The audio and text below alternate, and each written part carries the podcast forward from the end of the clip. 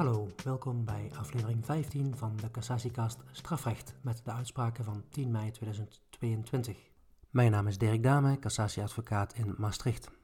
Vorige week is er geen aflevering online gezet en dat had ermee te maken dat de Hoge Raad voorjaarsvakantie had. Dus er zijn de vorige twee weken geen uitspraken gedaan. Maar op dinsdag 10 mei dus wel zes arresten en één beschikking. En ook zijn er een aantal conclusies genomen waarvan ik de belangrijkste verderop zal bespreken. Maar eerst eens kijken naar de arresten van deze week. In de eerste uitspraak van vandaag met nummer 682 slaagt het cassatieberoep. De zaak gaat over de oproeping voor een nadere terechtzitting in het hoger beroep. Op de eerste zitting in hoger beroep was de behandeling van de zaak aangehouden wegens verhindering van de advocaten. En die had voor de zitting waar het nu over gaat zich de dag van tevoren teruggetrokken omdat zij vond dat het cassatieberoep veel te laat was ingesteld, dus dat er toch weinig te halen viel. Maar ze had wel met cliënt besproken dat hij wel zelf zou verschijnen op zitting. Maar die was ook niet naar de zitting gekomen. En dan was in de cassatieprocedure van belang dat de akte van uitreiking, behorende bij de oproeping voor die zitting, dat die niet bij de stukken zat maar wel een brief van het Hof die inhoudt dat de akte van uitreiking in het ongereden is geraakt. Volgens de Hoge Raad betekent dat dan dat het ervoor moet worden gehouden dat die betekening niet op de juiste wijze is geschied en daarom moet de betekening van de oproeping in hoger beroep nietig worden verklaard. En de enkele omstandigheid dat de raadsvrouw het Hof voorafgaand aan de nadere zitting heeft bericht dat zij verdachte op de hoogte heeft gebracht van haar voornemen om niet ter terechtzitting te verschijnen en dat verdachte alsnog zelf op de zitting wenst te verschijnen, dat brengt niet mee dat deze nietigheid voor gedekt kan worden gehouden. Want uit het bericht van de raadsvrouw blijkt niet dat zij de verdachte heeft geïnformeerd over waar en wanneer die zitting zou zijn. En dat die informatie hem dus ook heeft bereikt. En verder zijn er ook geen omstandigheden waaruit het Hof wel had kunnen afleiden, eh, met voldoende zekerheid, dat de verdachte van een en ander op de hoogte was de advocaat-generaal vond dat wel voldoende zeker was dat de verdachte op de hoogte was van de zitting en hij concludeerde dan ook tot verwerping van dit middel.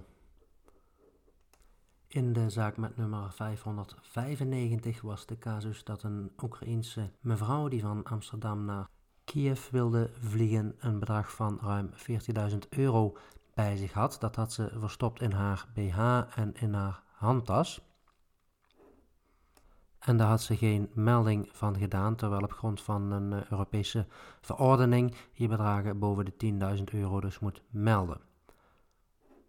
Zij werd veroordeeld wegens overtreding van artikel 10.1 lid 4 en 5 en dan de toenmalige versie van de Algemene Douanewet. En dan gaat het in cassatie erom of er sprake was van een situatie waarin de verdachte de gemeenschap had verlaten. Zo was immers nog niet de buitengrens van de EU gepasseerd. Maar de Hoge Raad zegt daarvan: het middel gaat ervan uit dat de aangifteplicht geldt bij het verlaten van de EU. En dat die dus pas ontstaat nadat de natuurlijke persoon die de liquide middelen vervoert de buitengrenzen van de EU heeft overschreden. Maar die opvatting is onjuist, want uit het juridische kader wat de Hoge Raad heeft gesteld, volgt dat aangifte door natuurlijke persoon bij de bevoegde autoriteiten van de lidstaat via welke de bewuste liquide middelen de EU verlaten, moet geschieden voorafgaand aan het moment dat de natuurlijke persoon het grondgebied van de EU daadwerkelijk verlaat. Dus daarop stuit het middel dan af en het cassatieberoep wordt ook verworpen, want op de overige klachten past de Hoge Raad artikel 81 RO toe.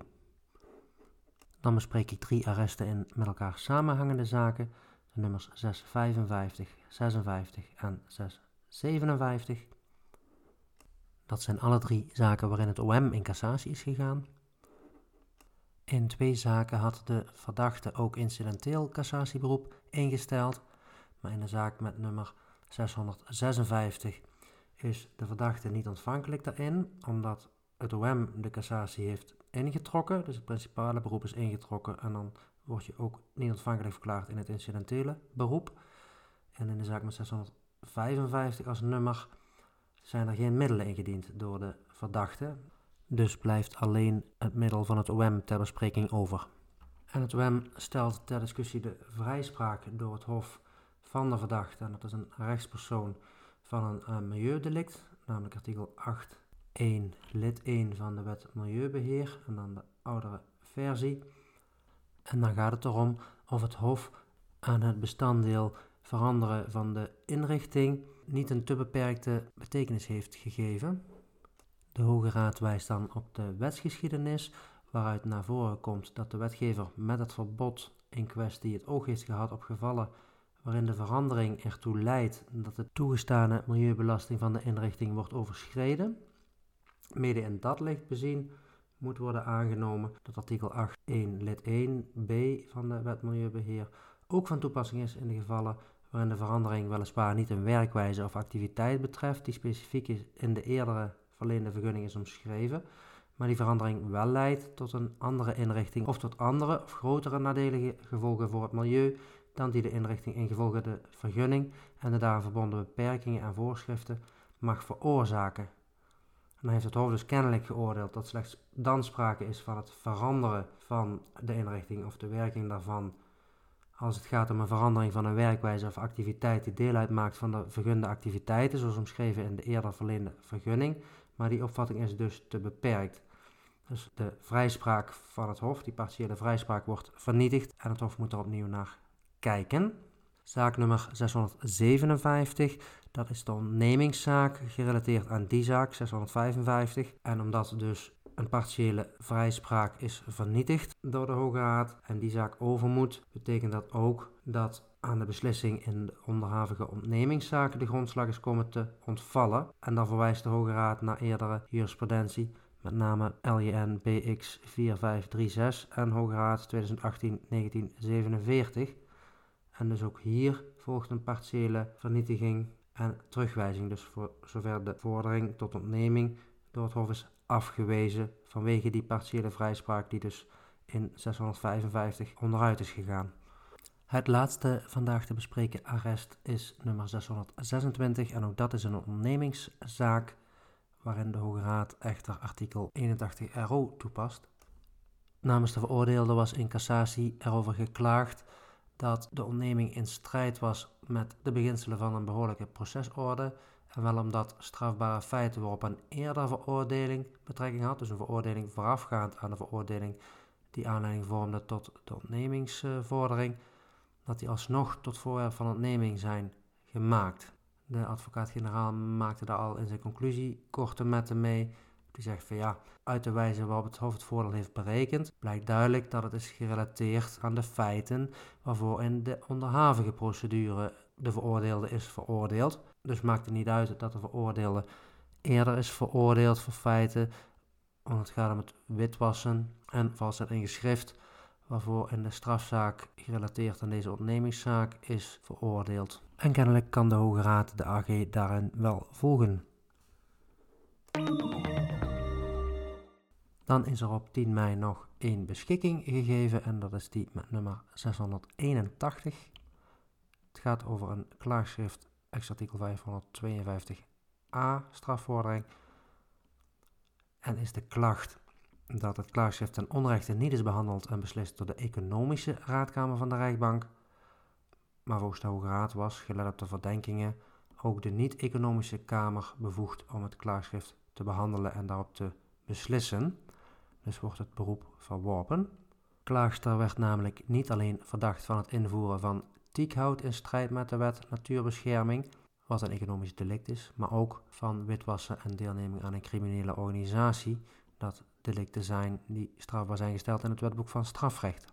Artikel 39 lid 2 van de wet op de economische delicten bepaalt dat berechting door een andere dan de economische kamer mogelijk is als de economische delicten zijn begaan in samenhang met een of meer strafbare feiten, wat geen economische delicten zijn en waarvan de rechtbank bevoegd is kennis te nemen en die economische delicten ook ten laste zijn gelegd, samen met een of meer van die andere strafbare feiten. En gelet die systematiek in de wet moet worden aangenomen dat in het geval dat een verdenking bestaat dat economische delicten en niet-economische delicten in samenhang met elkaar zijn begaan, zowel een economische raadkamer als een niet-economische raadkamer kan optreden als raadkamer. Het maakt dus kortom niet uit of het nou een economische of een reguliere raadkamer was. De andere cassatiemiddelen worden met 81 euro verworpen. Op 10 mei zijn er ook nog behoorlijk wat conclusies genomen. De eerste twee die ik zal bespreken zien op de ontvankelijkheid van het cassatieberoep. Conclusie 391. Dan gaat het om de vraag of de volmacht van de advocaat aan de griffiemedewerker tot het instellen van cassatieberoep, die is opgenomen in een e-mailbericht en niet in een bijlage bij het e-mailbericht, volstaat. Het e-mailbericht bevat wel de afbeelding van een handtekening, maar dat betekent volgens de AG niet dat het e-mailbericht dan moet worden aangemerkt als een schriftelijke bijzondere volmacht in de zin van artikel 450 lid 3 strafvordering. En dat betekent dus volgens de advocaat-generaal dat de verdachte niet ontvankelijk is in het cassatieberoep. Volgens de advocaat-generaal moet de volmacht zijn vervat in een brief en die brief moet zijn voorzien van een natte handtekening van de advocaat, dus degene die de volmacht uh, geeft. Dus niet de volmacht in een mailbericht zelf zetten en daarin een plaatje van een handtekening invoegen. Daarom moet de verdachte volgens de advocaat-generaal dus niet ontvankelijk worden verklaard in het cassatieberoep. En dat was een beroep wat is gericht tegen een jeugddetentie van vijf maanden en er waren ook vier cassatiemiddelen ingediend, maar die boven dus volgens de advocaat-generaal geen bespreking. Ook de conclusie met nummer 385 ziet op de ontvankelijkheid van het cassatieberoep het is een uitleveringszaak. Het ging om een executieoverlevering aan Turkije. Die was toegestaan door de rechtbank Limburg. Het ging om de executie van een gevangenisstraf van ruim 25 jaar. Daarin is de bijzonderheid dat wel binnen 14 dagen na de uitspraak namens de opgeëiste persoon een cassatieschriftuur is ingediend, maar pas een maand na de uitspraak op rechtsgeldige wijze het cassatieberoep is ingesteld. En dat moet dus binnen twee weken, dus 14 dagen na de uitspraak. Dus hoewel er al een cassatieschriftuur was ingediend, was er nog geen rechtsgeldige cassatie ingesteld. En daarom strekt de conclusie tot niet ontvankelijk verklaring van de verdachte in het cassatieberoep. De conclusie met nummer 426 draait om de afwijzing van een aanhoudingsverzoek. In hoger beroep was het aanhoudingsverzoek van de advocaat die ter zitting was verschenen, maar niet gemachtigd was, afgewezen door het Hof en was vervolgens de verdachte niet ontvankelijk verklaard in het hoger beroep. Die verdachte was veroordeeld wegens oplichting tot twee dagen gevangenisstraf, maar ook 100 uur taakstraf. Het Hof overwoog dat de betekening rechtsgeldig was geweest en er, gelet op de onderbouwing, onvoldoende aanknopingspunten zijn om te verwachten dat de raadsman na aanhouding wel zijn cliënt zal bereiken. Het is wel relevant dat de betekening niet heeft plaatsgevonden in persoon, maar aan een daklozenloket. En volgens de advocaat-generaal heeft het Hof de betrokken belangen onvoldoende afgewogen. Want belangen die moeten worden afgewogen zijn onder andere het belang van de verdachte om bij de zitting aanwezig te zijn, het procesverloop, het gewicht van de zaak en het belang dat niet alleen de verdachte, maar ook de samenleving heeft bij een doeltreffende en spoedige berechting. Nou, dat heeft het Hof allemaal niet benoemd. En daarnaast merkt de advocaat-generaal op dat het oordeel, gelet de mededeling van de raadsman, nadat hij had vernomen naar welke adres de dagvaarding was gegaan, dat hij het dakloze loket zou aanschrijven, niet voldoende is gemotiveerd. Daarom is volgens de advocaat-generaal de afwijzing van het aanhoudingsverzoek ontoereikend gemotiveerd en slagen dus de daarover gaande middelen. In de zaak waarin de advocaat-generaal de conclusie met nummer 424 heeft genomen, ging het om een vrouwelijke verdachte die aan dementie leidt. En het Hof had beslist de vervolging te schorsen op grond van artikel 16 Wetboek van Strafvordering. De verdediging had echter betoogd en betoogd dat wederom in cassatie dat de zaak geëindigd had moeten worden verklaard op grond van artikel 29f strafvordering. Voorheen was dat artikel 36. Maar, zegt de advocaat-generaal, als de vervolging eenmaal is gestart, als de zaak al op zitting is geweest, dan is er geen mogelijkheid meer voor de rechter om de zaak geëindigd te verklaren. En dat blijkt onder andere uit Hoge Raad 2019-1472. Dus had het Hof dat niet kunnen doen, dus is het cassatieberoep ook vergeefs ingesteld. Hoezeer ook de verdachte niet in staat is om de vervolging die tegen haar loopt te begrijpen. Maar wellicht zijn er uiteindelijk andere einduitspraken mogelijk of ja, zal de vervolging geschorst blijven tot er uiteindelijk sprake is van verjaring. Omdat de toestand van de verdachte die dus lijdt aan de ziekte van Alzheimer niet verbetert. Dan gaan we naar conclusie 412. En daar zijn drie middelen ingediend, waar ik er één van zal bespreken. Daar gaat de advocaat-generaal ook wat uitgebreider op in. Dat betreft de afwijzing van het verzoek tot het horen van een verbalisant als getuige, om de rechtmatigheid en betrouwbaarheid van de resultaten van DNA-onderzoek te toetsen. Dan verwijst de advocaat-generaal naar de zaak Ivanovski tegen Macedonië van het Europees Hof voor de Rechten van de Mens en komt dan tot de conclusie dat een dergelijke getuige als een ontlastende, dus een getuige van de verdediging, defense witness, moet worden aangemerkt en dat daarop dus de post jurisprudentie niet van toepassing is. Dat betekent dat het Hof gewoon wel aan het noodzakscriterium had mogen toetsen en het verzoek dus had kunnen afwijzen op de wijze zoals het Hof dat heeft gedaan. De conclusie strekt tot verwerping van een beroep en toepassing van artikel 81 RO. Conclusie 411 is genomen in een zaak waarin de verdachte was veroordeeld wegens het feitelijk leiding geven aan witwassen begaan door een rechtspersoon tot een taakstraf voor de duur van 140 uren, waarvan 80 voorwaardelijk. Het eerste middel gaat over het opzet op het feitelijk leiding geven. Volgens de advocaat-generaal kan het wel worden afgeleid uit hetgeen wat het Hof heeft vastgesteld.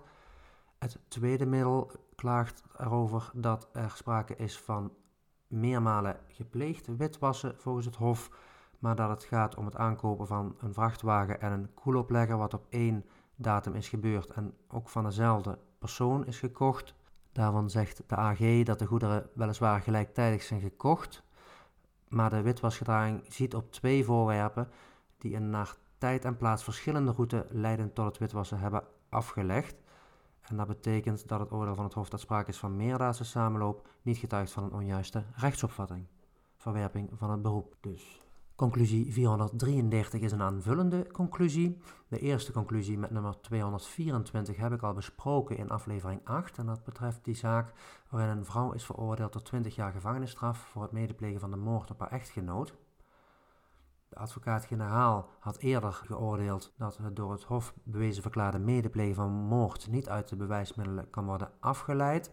En laat zich nu op verzoek van de Hoge Raad ook uit over de overige middelen. Het eerste middel klaagt dan dat het Hof redengevend heeft geacht resultaten van een onderzoek met betrekking tot aangetroffen blauwe verfdeeltjes in de letsels van het slachtoffer, maar ook in de Mercedes, dus dat zou de auto van de verdachte zijn geweest. Nou, dat middel slaagt volgens de advocaat-generaal niet. Dat is wat betreft de advocaat-generaal anders wat betreft het tweede middel dat opkomt tegen het oordeel van het Hof dat de verdachte kennelijk leugenachtige verklaring heeft afgelegd en dat die leugenachtige verklaringen redengevend zijn voor de bewezen verklaarde moord. Het Hof heeft uh, drie aspecten van uh, de leugenachtigheid van de verklaringen in aanmerking genomen. De eerste is dat wij zo hebben verklaard dat ze tot de glasbak aan de C-straat is gereden en niet verder. Dat staat wat betreft de advocaat-generaal in ieder geval in te ver verwijderd verband van de moord die enkele uren later die avond op een heel andere locatie plaatsvond. Zowel die verklaring niet kan kloppen, is daar niet uit af te leiden dat zij een medeverdachte heeft opgehaald of moord laat staan dat eruit kan worden opgemaakt dat zij met die medepleger betrokken is geweest bij de moord later die avond. Bij dit aspect speelt ook nog een rol dat de overwegingen van het Hof de mogelijkheid openlaten dat de verdachte zich gewoon heeft vergist. Het tweede aspect ziet op de terugweg van de Butterwei, waar de moord heeft plaatsgevonden, naar huis. Waarover de verdachte zou hebben gelogen omdat op grond van camerabeelden waarop de Mercedes te zien was, is vastgesteld dat de verdachte dus een andere route zou hebben gereden dan ze heeft verklaard. Ook daar vindt de AG dat het Hof een te grote stap heeft genomen en dat de leugenachtigheid dan ziet op een aspect wat in een te ver verwijderd verband staat van het te lastiggelegde feiten. Bij het derde aspect wordt de leugenachtigheid aangenomen enkel op basis van de getuigenverklaring van de schoonvader van de verdachte, dus de vader van het slachtoffer. Ander bewijs voor die verklaring van de schoonvader heeft het Hof niet bij zijn oordeel betrokken. Ten meer nu het Hof in weerwil van een daarover gevoerd verweer dat de schoonvader de verdachte vijandig was gezind, niets over de betrouwbaarheid van de verklaring van de schoonvader van de verdachte heeft vastgesteld, is het oordeel van het Hof dat zijn verklaring voldoende grondslag biedt voor het oordeel dat de verdachte kennelijk leugenachtig heeft verklaard over haar belgedrag tijdens de zoektocht naar het slachtoffer, niet zonder meer begrijpelijk. Volgens het derde middel zou op ontoereikende gronden zijn vastgesteld dat de verdachte haar telefoon zelf had uitgeschakeld om te voorkomen dat de route op de terugweg aan de hand van haar telefoonlocatiegegevens in kaart kon worden gebracht. Dat middel faalt volgens de advocaat-generaal. Verder hebben zowel de verdachte als de benadeelde partij middelen ingediend over shockschade. In het middel van de verdachte wordt betwist dat sprake was van een directe confrontatie met de ernstige gevolgen van het ten laste gelegde, omdat de confrontatie van de benadeelde partijen met het slachtoffer geen onvroeds karakter had. Dat middel faalt volgens de advocaat-generaal en hetzelfde geldt ook voor het middel van de benadeelde partijen. Dat ziet op de hoogte van de toegewezen vergoeding voor shockschade en daarbij wordt verwezen naar de eerdere beschouwingen in de conclusie van advocaat-generaal Spronke, die ook deze conclusie heeft genomen, en Lindenberg, de civiele advocaat-generaal, nummer 222-166. Maar al bij al blijft de advocaat-generaal er dus bij dat het arrest zal moeten worden vernietigd. In dit geval dus omdat zowel het tweede als het vierde cassatiemiddel van de verdachte gegrond zijn. Bovendien is ook de redelijke termijn in de cassatiefase inmiddels overschreden. Conclusie 410 ziet op de zaak van de poging tot moord op een advocaat door met een Stanley-mes in haar gezicht te steken, dan wel snijden. Uh, dit is de zaak van een verdachte die niet zelf dat Stanley-mes zou hebben gebruikt, maar wel iemand die de dader, die onbekend is gebleven, naar de plaats delict zou hebben vervoerd en ook anderszins betrokkenheid zou hebben gehad. Er wordt dan ook geklaagd over het bewezen verklaarde opzet en de voorbedachte raad en het medeplegen. En ook de benadeelde partij heeft middelen ingediend die zien op de materiële schade. De advocaat-generaal adviseert de Hoge Raad om het cassatieverroep te verwerpen. Conclusie 425 gaat over een zaak waarin de verdachte is veroordeeld voor zedendelicten in de periode tussen 2000 en 2012 met minderjarige en jongvolwassen jongens. Het eerste middel klaagt wat betreft de advocaat-generaal terecht over het feit dat het Openbaar Ministerie ten onrechte ontvankelijk in de vervolging is verklaard omdat dat feit deels verjaard is. Maar heeft de verdachte geen belang bij cassatie, omdat het voor de kwalificatie van dat derde feit geen enkele betekenis heeft. En voor de strafoplegging het ook, gelet op de ernst en de aard van het resterende verwijt, mede in het licht ook van de overige zedendelicten, van zo ondergeschikte betekenis is dat cassatie achterwege kan blijven. Het tweede middel klaagt over de afwijzing van een verzoek om twee getuigen, dat zouden dan slachtoffers zijn geweest, om die alsnog na een eerder studioverhoor op de zitting te horen. Dan faalt wat betreft de advocaat-generaal dat middel, omdat het studioverhoor een behoorlijke en effectieve mogelijkheid tot ondervraging bood en het Hof in het licht daarvan kon oordelen dat ondervraging op de zitting niet nodig was. Ook faalt het middel, het derde middel, over de motivering van de verwerping van het verweer dat het studioverhoor niet voor het bewijs mag worden gebruikt. Het vierde middel klaagt volgens de advocaat-generaal terecht over de onttrekking aan het verkeer van een in beslag genomen pistool. Uit niets blijkt dat dat pistool de verdachte toebehoorde, zodat in het kader van de onderhavingsstrafzaak de onttrekking ook naar verwijzing niet mogelijk zou zijn. De advocaat-generaal adviseert dan ook de beslissing tot onttrekking aan het verkeer te vernietigen, maar het daarbij te laten en dan zou toepassing van artikel 552f strafvordering, dus onttrekking aan het verkeer bij afzonderlijke beschikking, niet uitgesloten zijn. Dus of de verdachte hier dan veel mee opschiet, is maar de vraag. Het vijfde middel klaagt dat het Hof geen beslissing heeft genomen op het op de voet van artikel 94 strafvordering gelegde beslag. De stelling dat er beslag is gelegd wordt gebaseerd op een passage uit het procesverbaal van een zitting van het Hof maar dat is onvoldoende volgens de advocaat-generaal om aan te nemen dat er een voor de behandeling van een strafzaak relevant beslag op vermogen, als bedoeld in artikel 94, is gelegd. Het Hof was dan ook niet gehouden een beslissing te nemen als bedoeld in artikel 353 strafvordering. Dat kon het Hof ook niet, omdat een feitelijke ontslag voor het beslag ontbrak en dan dus ook in het geheel niet duidelijk was waarover nu beslist zou moeten worden. Conclusie 423 gaat over een tweede cassatieberoep in dezelfde zaak. In eerste instantie had de Hoge Raad voor één feit qua bewezen verklaring het arrest vernietigd en ook wat betreft de strafoplegging. Dat is het arrest 2018-507.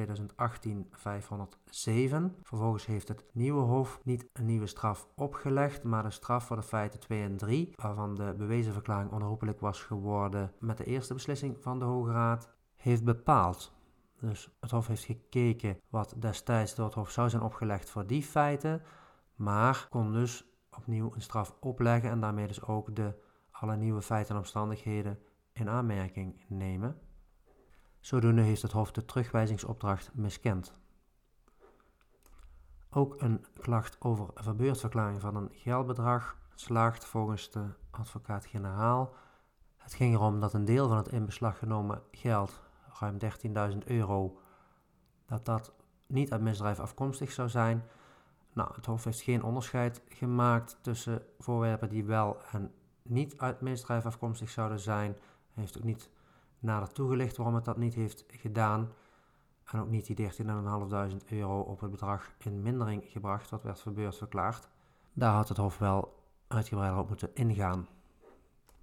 Ook het vierde middel slaagt in beide onderdelen en dat gaat ook weer over de verbeurdverklaring van een aantal voorwerpen. Het eerste onderdeel ziet op een Rolex-horloge dat niet terugkomt in de bewezen verklaring en waarover het Hof verder ook niet heeft gezegd op grond waarvan het de verbeurdverklaring heeft bevolen. Het tweede deel gaat over meerdere voorwerpen. Als gezegd is er een eerdere cassatie geweest. Toen is al door de advocaat-generaal geconcludeerd dat het eerste hof zijn oordeel dat deze voorwerpen vatbaar zijn voor verbeurdverklaring onvoldoende met redenen had omkleed. Dus die had toen al tot vernietiging geconcludeerd. In het tweede hoge beroep is gevraagd namens de verdachte om teruggave van de voorwerpen, maar toch heeft het tweede hof, zoals het eerste hof heeft gedaan, de verbeurdverklaring van die voorwerpen gelast, maar daarover verder niks nieuws overwogen. Dus de advocaat-generaal volstaat met een verwijzing naar die eerdere conclusie. Het zesde middel klaagt nog eens dat het Hof een proeftijd heeft bepaald die niet mogelijk was ten tijde van de bewezen verklaarde feiten. Er is een proeftijd vastgesteld op drie jaren. Maar het Hof heeft volstaan met de toepassing van de algemene voorwaarden dat de veroordeelde zich niet zou schuldig maken aan een strafbaar feit. En dan kon volgens artikel 14b lid 2, zoals dat toen gold van het Wetboek van Strafrecht, de proeftijd ten hoogste twee jaar bedragen. Ook dat middel slaagt, evenals het zevende middel over de inzendtermijn in de cassatiefase, die is overschreden. Er zouden dus vier middelen slagen en eentje ook nog eens gedeeltelijk.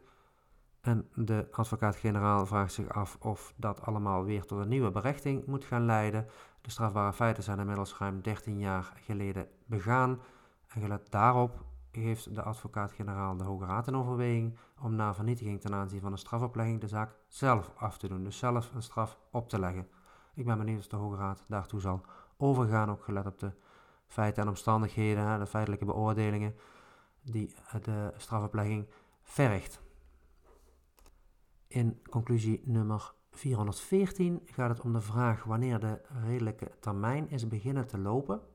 Er is namelijk in eerste instantie een politieverhoor geweest waarin de verdachte een bekennende verklaring heeft afgelegd, maar het Hof heeft als beginpunt genomen de betekening van de dagvaarding in eerste aanleg, die een stuk later was.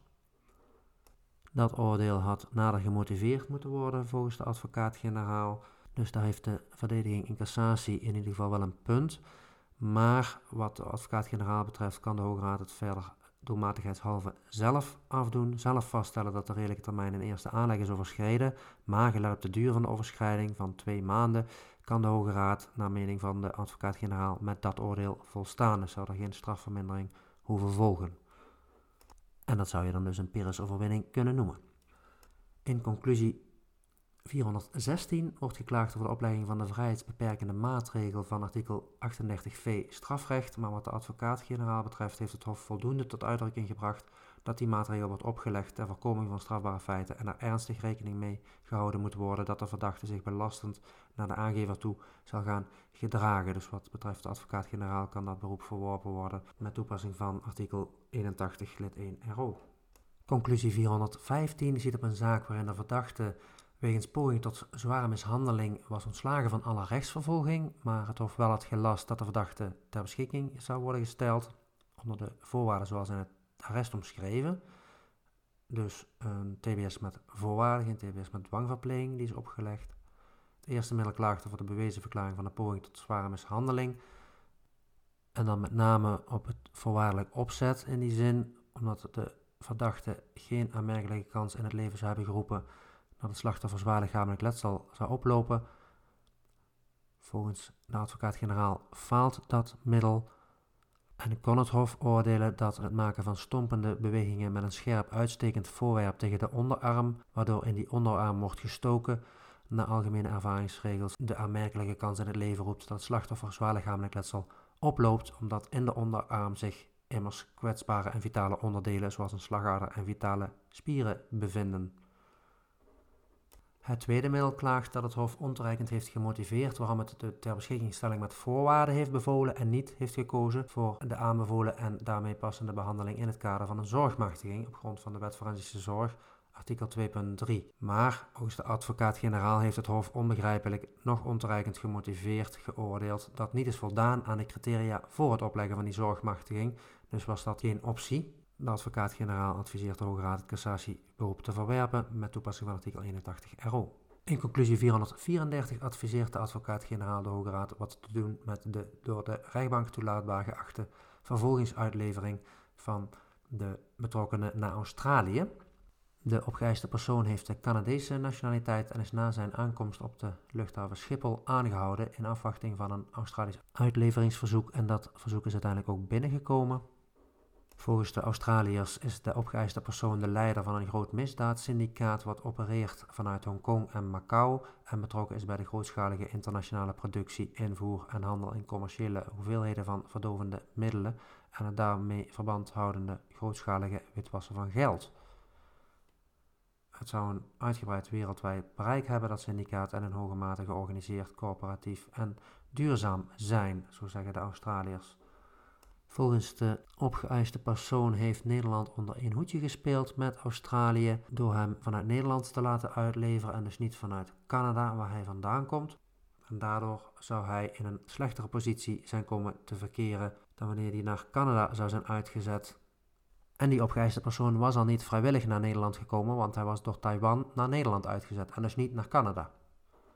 Het eerste middel klaagt over de afwijzing van de rechtbank van het verzoek om de behandeling aan te houden en de officier van justitie te instrueren om navraag te doen bij de relevante Taiwanese, Australische, Canadese en Nederlandse autoriteiten over welke contacten er nu wanneer tussen wie zijn geweest omtrent het naar Nederland sturen van de opgeëiste persoon in plaats van naar Canada en wat daarbij is besproken en afgesproken.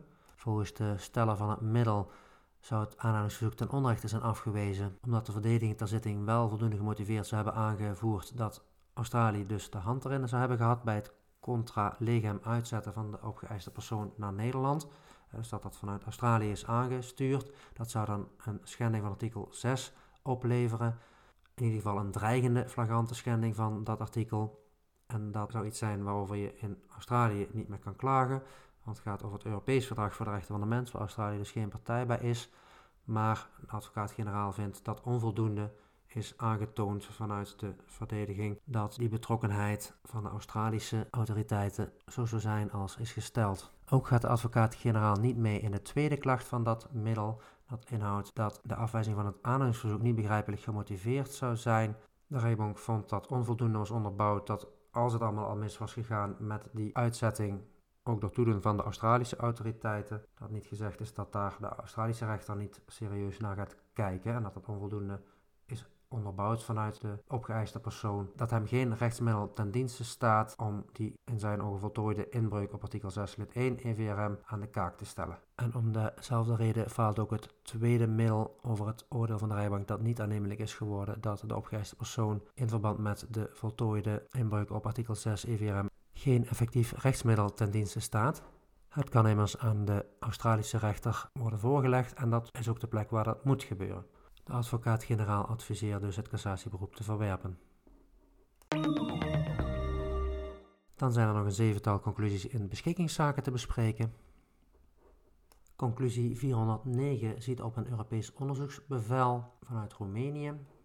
Dan worden eigenlijk dezelfde issues aan de kaak gesteld als ook in, een, in de vorige aflevering besproken beschikking met nummer 653, namelijk dat de klaagster onvoldoende inzage heeft gehad in het onderzoeksbevel en dat ten onrechte geen navraag is gedaan in Roemenië of de geheimhouding eraf kon.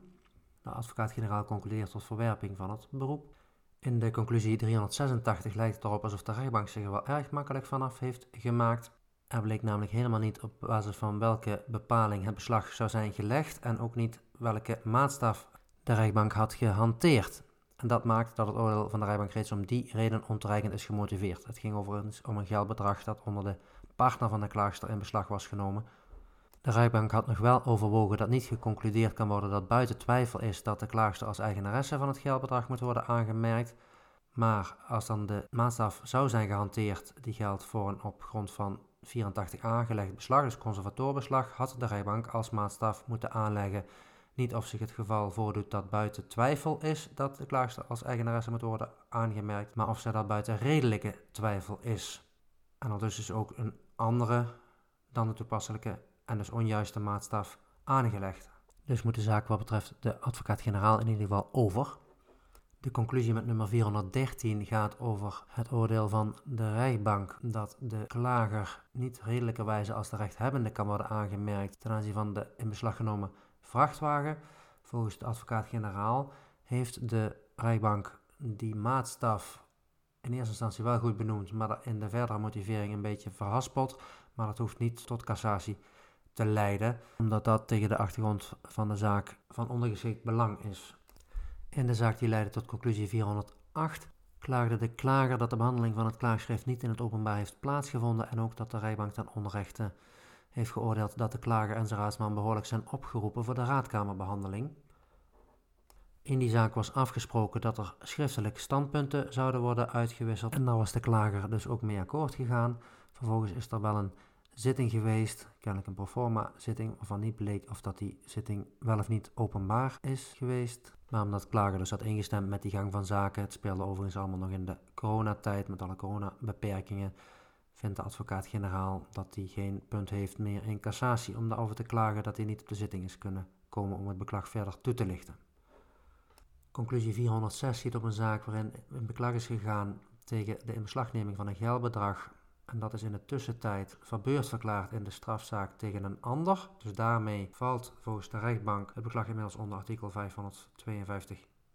strafvordering. Maar volgens de advocaat-generaal wordt niet duidelijk wat nu precies de grond is geweest voor het afwijzen van het beklag. Ofwel is de situatie van artikel 33a lid 2 onder a van toepassing, of is de klaagster dan geen rechthebbende volgens de rechtbank. Nou, daarbij komt ook nog eens dat de maatstaf van artikel 552a wordt gehanteerd en niet die van 552b. En dat maakt de beslissing dusdanig onbegrijpelijk dat cassatie moet volgen. De conclusie 401 ziet op het verzoek om teruggave van de onder een derde in beslag genomen personenauto. Ook hier constateert de advocaat-generaal dat de rechtbank een verkeerde maatstaf heeft aangelegd en concludeert hij tot vernietiging en terugwijzing. De laatste conclusie in deze aflevering is nummer 407 en ook die strekt tot vernietiging van de bestreden beschikking. In dit geval gaat het om de toepassing van artikel 94a lid 4 strafvordering verhaalsfrustratie. Het ging om een in beslag genomen auto en de rechtbank vond dat de auto aan de klaagster is gaan toebehoren met het kennelijke doel de uitwinning van de auto te bemoeilijken of te verhinderen en klaagster dat ook wist of redelijkerwijs kon vermoeden. De klaagster in dit geval is echter een bedrijf dat auto's verhuurt dan wel leest. De beslagene had eerder een mantelovereenkomst afgesloten met de klaagster en in dat kader ook al een auto gehuurd, dan wel geleased. En vervolgens had hij een dealer ingeschakeld omdat hij een nieuwe auto wilde.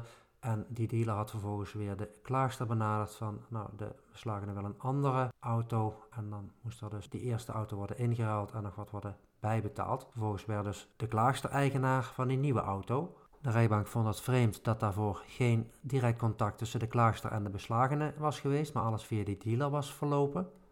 Volgens de advocaat-generaal kan uit de door de rijbank in aanmerking genomen omstandigheden niet zonder meer volgen dat de klaagster ook wist of redelijkerwijs kon vermoeden dat er sprake was van verhaalsfrustratie, wel dat er mogelijk sprake was van witwassen, maar dat betekent niet ook noodzakelijk dat de klaagster wist of redelijkerwijs kon vermoeden dat dus verhaalsfrustratie het doel was. En dat is natuurlijk wel noodzakelijk om een beklag af te wijzen op de grond van artikel 94a lid 4 strafvordering.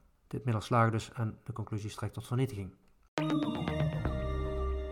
Dit waren weer de uitspraken en conclusies van 10 mei 2022. Ik hoop dat je er wat van hebt opgestoken. Wil je de links hebben naar al deze uitspraken en conclusies en de samenvattingen doorlezen, dan kan dat in de show notes bij deze aflevering. Die vind je op cassatiecast.nl. cassatiecast.nl voor de show notes van deze en ook de eerdere afleveringen. Graag weer tot de volgende week.